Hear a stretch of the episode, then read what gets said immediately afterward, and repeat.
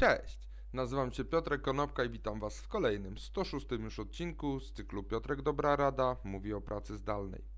Dzisiaj powiem kilka słów na temat tego, jak wygląda sytuacja prawna właśnie w pracy zdalnej albo w telepracy. W 83 odcinku, czyli miesiąc temu, zastanawiałem się nad tym, jakie są możliwości związane z telepracą czy pracą zdalną, która istnieje dzisiaj na podstawie tarczy antykryzysowej, czyli możemy pracować z domu na podstawie nawet ustnego polecenia najwyższego przełożonego.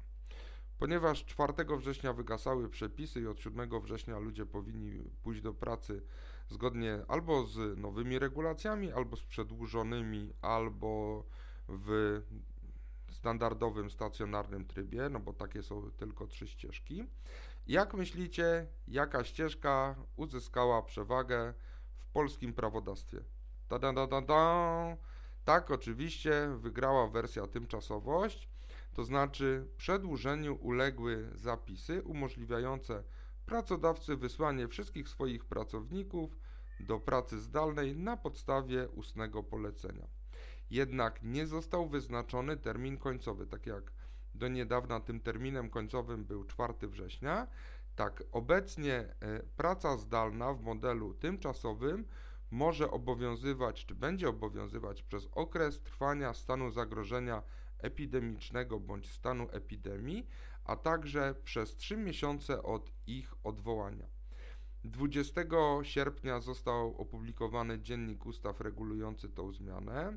E, przepisy wydłużające stosowanie tej pracy zdalnej wejdą w życie 5 września, a przypomnę, że taki wariant obstawiała 1 czwarta ankietowanych u mnie na profilu LinkedInowym, bo 23% mówiło, że przedłużeniu ulegnie taki stan.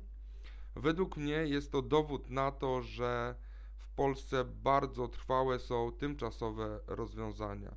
To znaczy, jeżeli jest objazd, to ten objazd może istnieć zawsze. Jeżeli ten objazd nawet ulegnie likwidacji, to zostaną znaki po tym objeździe. Most Syreny, który w Warszawie był postawiony bardzo tymczasowo, istniał do lat 2000, a hala Mark Polu, która została postawiona również tymczasowo na placu Defilat w Warszawie, istniała bardzo, bardzo długo, do e, chyba 2010 roku.